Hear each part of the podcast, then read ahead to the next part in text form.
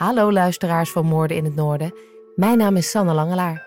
En voordat jullie gaan luisteren naar de aflevering, wil ik jullie vertellen over mijn nieuwe podcast genaamd Het Bewijs. Waarbij simpele, alledaagse voorwerpen het doorslaggevende bewijs worden. Zo vertel ik hoe een ladder de sleutel wordt in een ontvoeringszaak, een nagelvel op een hele onconventionele manier wordt gebruikt om een moord te verhullen en hoe een verdachte kan worden gelinkt aan een moord door een nieuwe zoom in zijn korte broek. Luister Het Bewijs iedere dinsdag in al je favoriete podcast-apps. Moorden in het Noorden, aflevering 6, De moord in de villa. Op een grauwe novemberdag in 1967 wordt er aangebeld bij een moderne villa. In een wijk in het zuiden van de Deense stad Aarhus. De vrouw des huizes opent de deur en laat een onbekende bezoeker binnen.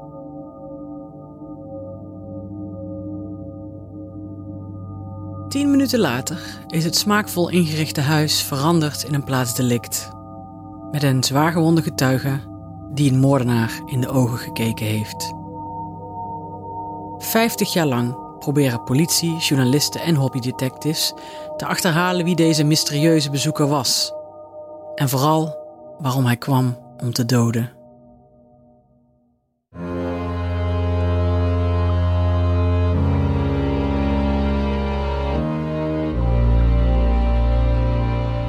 Je luistert naar Moorden in het Noorden, een podcastserie over de meest spraakmakende moordzaken in Scandinavië.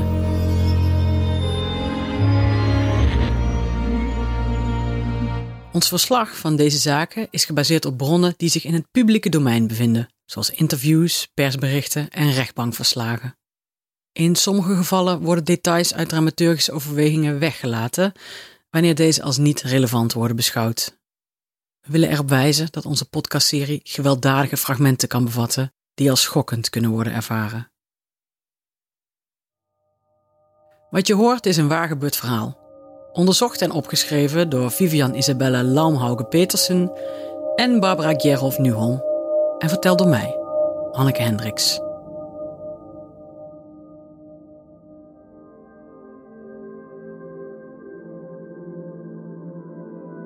Poetsvrouw Irma Rasmussen heeft op de bewuste vrijdag in november 1967 genoeg te doen. Haar dochters 18e verjaardag valt dit jaar op dezelfde dag als Sint Maarten. En beide feestelijkheden worden die avond in Huizen Rasmussen groots gevierd. Voordat Irma naar haar werk gaat, wil ze zoveel mogelijk voorbereiden. Ze pakt de servetten uit de kast en de traditionele vlaggetjes die bij een typische Deense verjaardag horen. Ook in de keuken bereidt ze van alles voor, zodat ze straks, als ze aan het einde van de middag weer thuis komt, gelijk aan het eten kan beginnen. Dan stapt ze op de fiets. Het is ongeveer 4 kilometer van Frederiksbjerg in Aarhus naar Joyberg, een wijk in het zuiden van de stad, waar ze als poetsvrouw werkt. Ze is in dienst van meneer en mevrouw Lokhansen, die in een moderne villa wonen, een kilometer van slot Marcelisborg, de zomerresidentie van de koningin.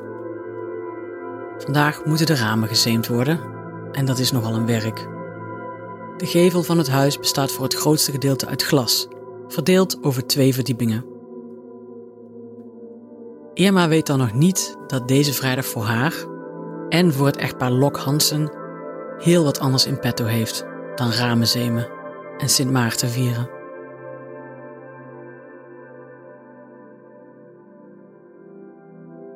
De villa van de Lok Hansens ligt aan het einde van een doodlopende straat. Een modern woonhuis, opgetrokken uit gele bakstenen, gelegen op een helling en gedeeltelijk ingebed in de grond. Aan de achterzijde grote panoramische ramen met uitzicht op de tuin. Achter die tuin ligt het Marcelisbos, waar mevrouw Lok Hansen vaak de hond uitlaat. Diep verscholen in het bos, verstopt tussen de bomen, is een geheim bunkersysteem van de marine gebouwd, waar natuurlijk nauwelijks iemand wat van weet. Marie Lok Hansen is een elegante, 43-jarige vrouw. Ze is knap, slank, altijd modieus gekleed en haar haren zijn gekapt in de stijl van Jackie Kennedy. Ze speelt bridge en volgt in de avond een cursus Frans. Ze verzamelt antiek en is een begenadigd gastvrouw die geregeld groepen mensen uitnodigt voor een gezellige avond in haar smaakvol ingerichte designervilla. Haar man, de elf jaar oudere Oscar Lok Hansen, is ingenieur en behoorlijk welgesteld. Hij verkocht de aandelen in zijn eigen bedrijf en sindsdien is hij docent aan de Technische Universiteit in Aarhus. 17 jaar geleden leerde hij Marie kennen, toen zij als secretaresse voor hem ging werken. Het echtpaar woont nu al een paar jaar in deze villa. Aanvankelijk woont ook Elisabeth, Oscars dochter uit een eerder huwelijk, bij hen in. Als Elisabeth uit huis gaat en Oscar zijn aandelen verkoopt, heeft het stel plots veel tijd over. En ook veel plaats in dat grote huis. Met Oscars hulp begint Marie een drukkerij voor uitgaves in kleine opgaven. In de kelder richten ze een drukkerij in. Hier is genoeg plek voor het stencilapparaat en de sorteermachine.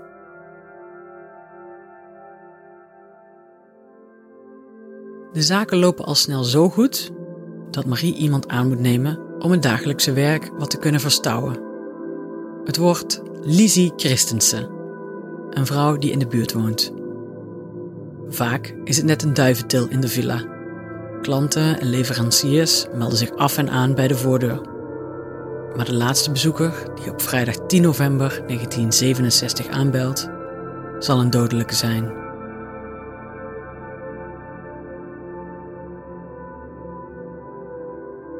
Op de keukentafel staan vieze glazen en borden en bestek te wachten op poetsvrouw Irma Rasmussen. De Lok Hansens hebben gasten over de vloer gehad. Dochter Elisabeth is de dag daarvoor komen eten en later op de avond kwamen drukkerijmedewerker Lizzie en haar man nog even een drankje doen. Ze hadden net een grote drukopdracht afgerond en naar de boekbinderij gebracht. En dat mocht gevierd worden. In de loop van de avond ontving Oscar nog meer gasten. Hij had twee studenten beloofd te helpen bij hun examen over gewapend beton. Oscar en de twee jonge mannen hadden zich met hun notities, formules, bouwtekeningen en een fles whisky teruggetrokken in de drukkerij. Dochter Elisabeth en Lizzie Christensen en haar man waren al lang vertrokken toen Oscar en de twee studenten zich eindelijk door alle examenstof hadden heengewerkt. Het was al vier uur s'nachts, maar Marie was al die tijd opgebleven. De heren hadden heel wat whisky soldaat gemaakt, waardoor de jonge ingenieurs wat wankel op hun benen stonden toen ze vertrokken.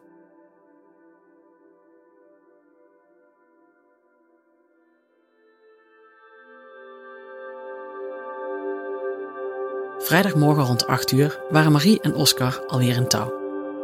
Ze hoefden pas later die dag de deur uit en hadden dus genoeg tijd voor een stevig ontbijt. Hun borden en kopjes lieten ze op de keukentafel achter bij de vuile vaat van de avond daarvoor. Oscar is nog niet vertrokken als de poetsvrouw aanbelt. Marie opent de deur. Ze draagt een lichtgrijze gebreide trui en een opvallende groene rok. Op deze grauwe novemberdag lijkt alles te gaan zoals het altijd gaat in het huis in Hooibier. Binnen een paar uur zal de villa het toneel zijn van een bloederig drama.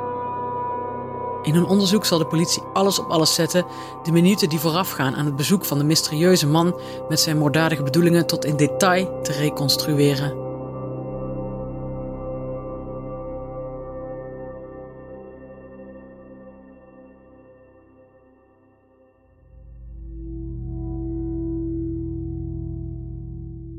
Irma Rasmussen gaat meteen aan het werk.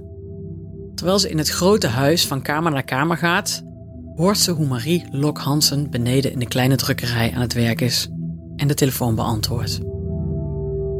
De boekbinderij hangt aan de lijn, met de vraag of er iemand thuis is om de boeken in ontvangst te nemen. In de loop van de ochtend levert een koerier de drie dozen af. En ook dat ontgaat Irma niet. Ze hoort daarna hoe Marie Lok Hansen een bedrijf in Aarhus opbelt. De sorteermachine is defect. En Marie beklaagt zich dat niemand de boel komt repareren terwijl het werk zich opstapelt. Oscar Lok Hansen moet naar het postkantoor om de omzetbelasting voor de drukkerij over te maken. Later rijdt hij naar de Universiteit in Aarhus om les te geven. Hij is al in zijn witte Ford Mustang gestapt als Marie tegen het keukenraam klopt. Wanneer ben je weer thuis, wil ze weten, maar Oscar kan dat niet precies zeggen. De twee echtgenoten zullen elkaar nooit meer terugzien.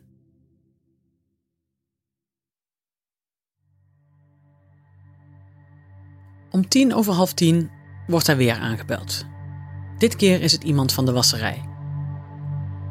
Ongeveer een half uur later, om kwart over tien, staat Marie's drukkerijmedewerker Lissy voor de deur. Omdat Marie bezig is, doet Irma voor haar open. Ze wisselen een paar woorden en daarna gaat Lissy gauw richting de trap om Marie te helpen. Nadat Marie nogmaals iemand aan de telefoon probeert te krijgen die haar kan helpen met die kapotte sorteermachine, komt ze de keuken binnen om koffie te zetten. Ze smeert een paar boterhammen en dekt de tafel in de woonkamer voor een gezamenlijke koffiepauze. Lizzie is ondertussen beneden aan het werk gegaan. Er is inderdaad een hoop te doen.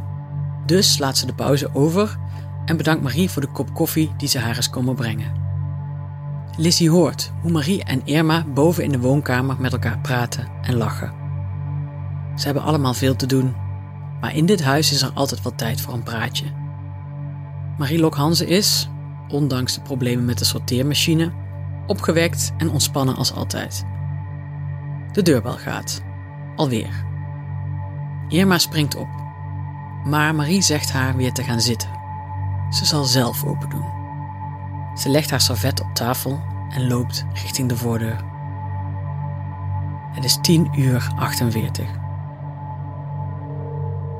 Irma Rasmussen hoort stemmen in de hal.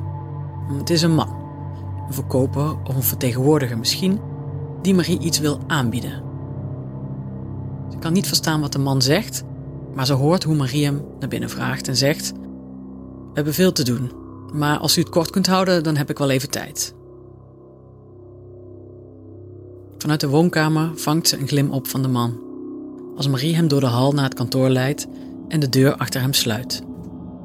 De bezoeker draagt een blauwe jas en een hoed.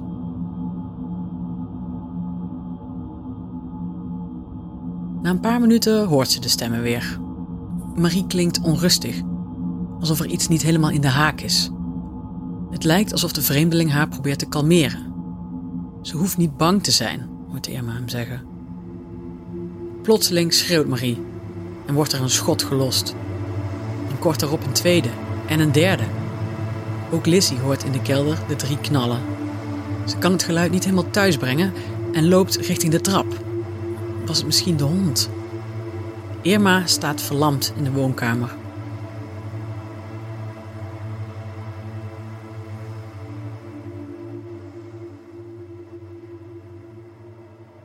Na een paar seconden die voelen als uren, waagt ze zich voorzichtig richting de hal. Plotseling staat ze oog in oog met de vreemde man. Kalm kijkt hij haar in de ogen. Dan heft hij langzaam zijn arm op, richt zijn pistool op haar en schiet. De kogel treft Irma in haar lies projectiel komt uiteindelijk vast te zitten in haar linkerbeen. De pijn is zo hevig dat ze ineenzakt. Ze rolt zich op haar buik en bedekt haar gezicht met haar handen. Zo blijft ze liggen, verstijfd van angst. Verroer je niet, zegt de man, terwijl hij zich over Irma heen buigt.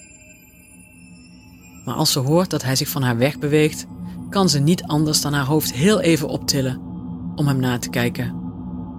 Ze ziet hoe de man als een schaduw verdwijnt. Hij laat de voordeur openstaan. Als Irma zeker weet dat hij weg is, roept ze Lizzie. Mevrouw Christensen, haal de politie! Lizzie Christensen rent de kelderdeur uit, de tuin door richting de buren die aan een aangrenzende straat wonen. Eenmaal op de stoep passeert ze een man in een lange blauwe jas.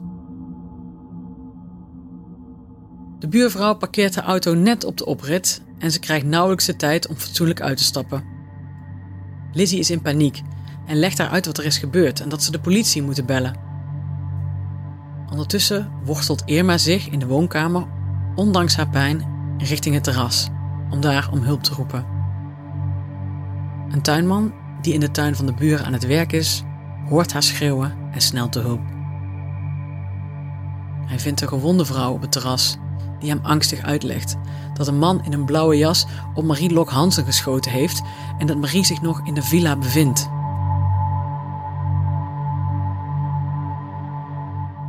Is op dit moment acht minuten geleden dat de onbekende aan de deur stond. De tuinman rent het huis in en vindt Marie Lok Hansen in haar kantoor. Ze ligt in een plas bloed op de grond. Hij rent terug naar het huis van de buren en zegt tegen het dienstmeisje dat ze onmiddellijk de politie moet bellen. Tien minuten later, om 11 uur 8, meldt een politieauto zich. Ter plaatse vinden ze een dode en een gewonde vrouw en ze bellen een ambulance.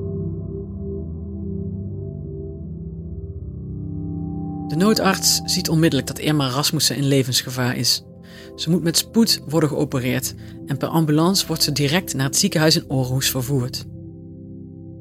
Maar voor de politie is Irma niet alleen een slachtoffer, maar ook een mogelijk beslissende getuige in een moordzaak. Ze mag kosten wat kost niet sterven voordat haar getuigenis is opgetekend. Een politieauto stopt de ambulance op weg naar het ziekenhuis en agenten beginnen Irma, liggend op de brancard, te ondervragen. In shock en door pijn overmand probeert Irma Rasmussen de vragen van de agenten zo goed mogelijk te beantwoorden. Het verhoor van de zwaargewonde vrouw duurt 12 minuten. Dan geeft haar lichaam het op.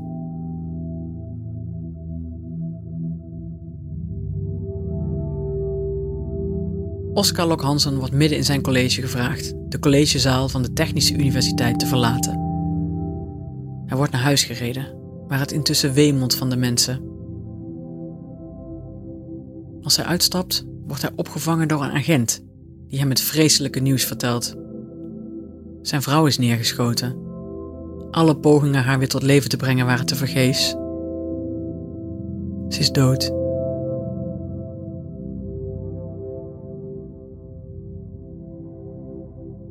De kogel trof haar in de linkerborst, perforeerde haar long, schampte haar hart en doorboorde een slagader. Een schotwond op haar rechterarm wijst erop dat ze heeft geprobeerd zich te weren toen de dader schoot. Als Oscar het nieuws hoort, barst zij voor de ogen van de politieagenten, journalisten, persfotografen en nieuwsgierige buren in huilen uit.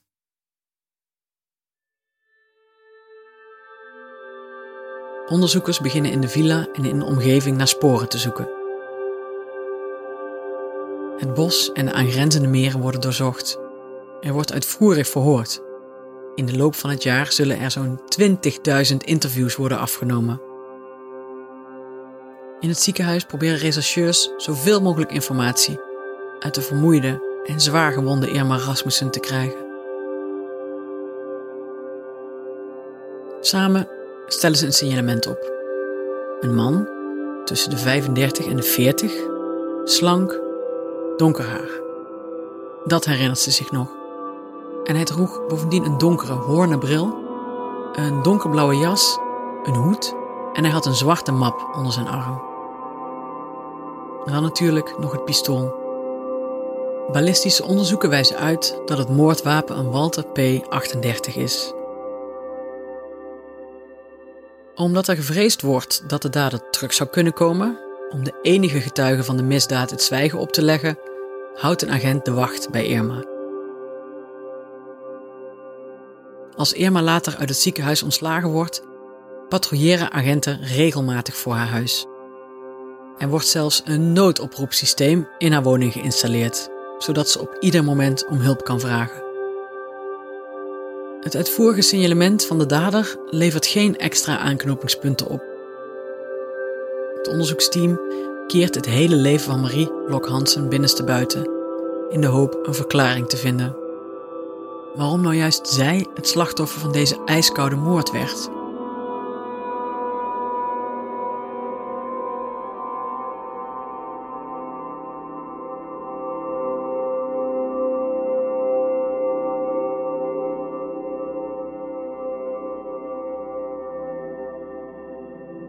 Marie is 43 jaar oud als ze gedood wordt. Zij en haar man leiden een luxe leven in hun aanzienlijke villa in Hooibier. Maar Marie's leven is er niet altijd een van privileges geweest. Ze groeit op als een van de zes kinderen in Lisbier, in het noorden van Aarhus. Haar ouders zijn arm. Als knecht op een boerderij moet haar vader hard werken om het grote gezin te kunnen onderhouden. Marie is tien jaar oud als haar vader overlijdt aan de gevolgen van een beroerte.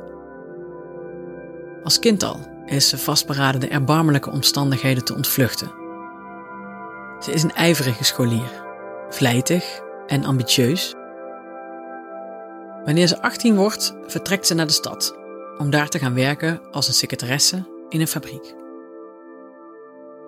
Tijdens de Tweede Wereldoorlog en de bezetting van Denemarken door de nazi's blijft ze werken. Na haar werk is ze vaak te vinden in dansrestaurant Bellevue, waar ze op een avond Lijf ontmoet. Lijf is schilder in opleiding, maar hij droomt van een carrière in de muziek. Ze worden verliefd op elkaar en trouwen na de oorlog in 1946. Het huwelijk verloopt alleen niet zoals verwacht. Vooral het feit dat ze geen kinderen kunnen krijgen, dat drukt zwaar op hen. Het oordeel van de artsen is hard. Marie's kansen om zwanger te worden zijn zeer gering. En mocht het toch lukken, dan is het onwaarschijnlijk dat het kind ongeschonden de zwangerschap overleeft.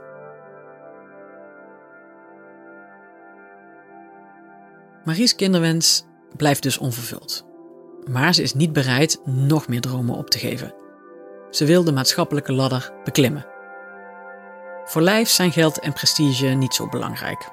Hij wil gewoon van zijn muziek kunnen rondkomen, maar Marie wil meer van haar leven. Als ze vier jaar getrouwd zijn, krijgt Marie een nieuwe baan die alles verandert.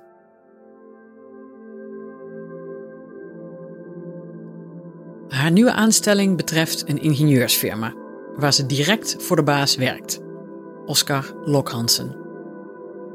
Hij is einde 30, 11 jaar ouder dan Marie en getrouwd met Vera, met wie hij twee kleine kinderen heeft. Oscar en Marie worden verliefd op elkaar. In 1952 vertelt Marie aan Lijf dat ze wil scheiden. En Oscar verlaat zijn vrouw het jaar daarop. In de nazomer van 1953 hertrouwt hij met Marie. Door de scheiding worden de twee kinderen van Oscar van elkaar gescheiden. Zijn dochter Elisabeth trekt bij Oscar en Marie in, maar haar jongere broer Steen blijft bij zijn moeder. Oscar is niet de biologische vader van de jongen, maar hij heeft hem altijd als zijn eigen kind opgevoed. Hoewel het contact met Steen na de scheiding verbroken wordt, blijft Oscar alimentatie betalen voor Vera en de jongen.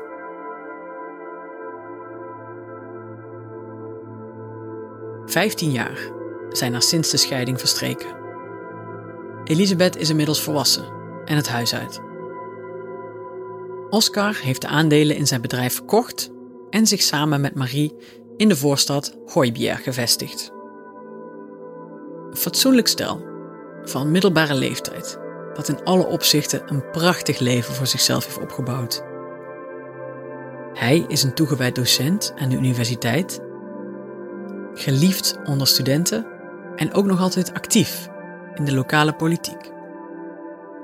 En zijn vrouw is met haar eigen bedrijf en haar vele sociale contacten tot de elite toegetreden. Precies zoals ze altijd heeft gewenst. Waarom meldde de moordenaar zich uitgerekend aan hun voordeur?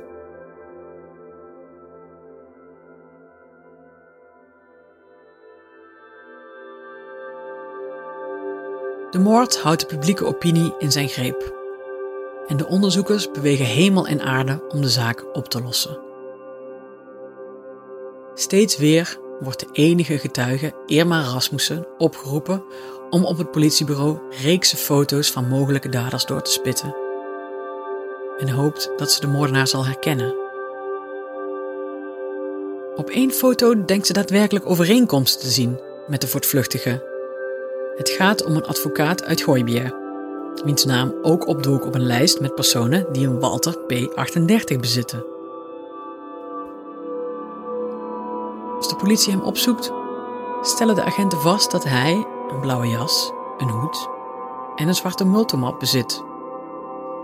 Hij wordt ter ondervraging meegenomen naar het bureau en zijn wapen wordt forensisch onderzocht. Er kan al snel uitgesloten worden dat het pistool van de advocaat gebruikt werd voor de moord op Marie. Maanden, jaren verstrijken zonder dat de politie het lukt de zaak op te lossen. Wilde theorieën en speculaties doen inmiddels de ronde. Zou iets uit Marie Lokhansens verleden haar het leven hebben gekost? Heeft ze zich tijdens de bezetting met de nazi's ingelaten en heeft zich dat na al die jaren gewroken? Of heeft ze misschien iets gezien of gehoord dat voor haar niet bedoeld was? Misschien iets dat met de marinebasis in het bos te maken had. Iets dat zo geheim was dat ze haar het zwijgen hebben moeten opleggen. Misschien was ze in werkelijkheid wel een spion? Of is het nog veel simpeler en is het onschuldige slachtoffer van een persoonsverwisseling geworden?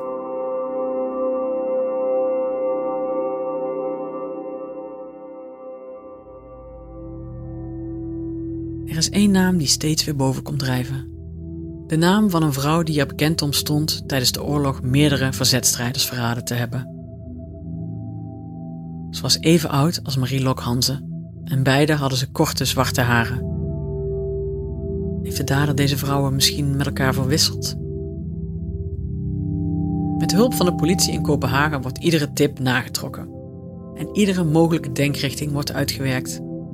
Om jaloezie, een van de meest voorkomende motieven voor moord, uit te sluiten, ondervraagt men opnieuw de hele kennissenkring van Marie. Het onderzoeksteam wil er zeker van zijn dat het niet toch om een geheime affaire zou zijn gegaan. Maar er wordt niets gevonden dat daarop zou kunnen wijzen. Irma Rasmussen, die hoorde hoe Marie Lok Hansen de onbekende bezoeker aan haar deur begroette, is er zeker van dat Marie de man niet kende.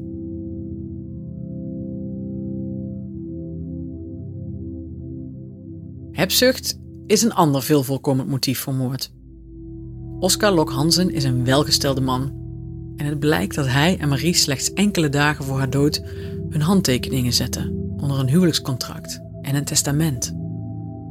Haar advocaat heeft het net naar de rechtbank gestuurd om het notarieel te laten bekrachtigen. Met het huwelijkscontract zou Oscars vermogen het gedeelde vermogen van hem en Marie worden. Bovendien heeft hij Marie benoemd tot zijn enige erfgenaam. En daarmee zouden zijn vermogen en de villa aan haar worden nagelaten. Is het mogelijk dat Oscars rijkdom en zijn erfenis een motief waren voor moord? Doordat Marie stierf, voor de notariële bekrachtiging van het huwelijkscontract en het testament, kan alles wat daarin vastgelegd is, aangevochten en nietig verklaard worden. Jarenlang wordt de vader van Oscars pleegzoon verdacht. Hij en Oscars eerste vrouw zouden er baat bij hebben gehad dat hun kind niet onterfd werd. Maar deze theorie kan niet bewezen worden. En zo blijft het bij speculaties, beschuldigingen en geruchten. Oscar Lokhansen heeft tot aan zijn dood nooit een antwoord gekregen op de vraag wie zijn vrouw vermoordde. Hij sterft 15 jaar later, in 1981. Moord verjaart niet. Maar ook na meer dan 50 jaar en 100.000 onderzoeksuren blijft de moord op Marie Lokhansen tot op de dag van vandaag onopgelost.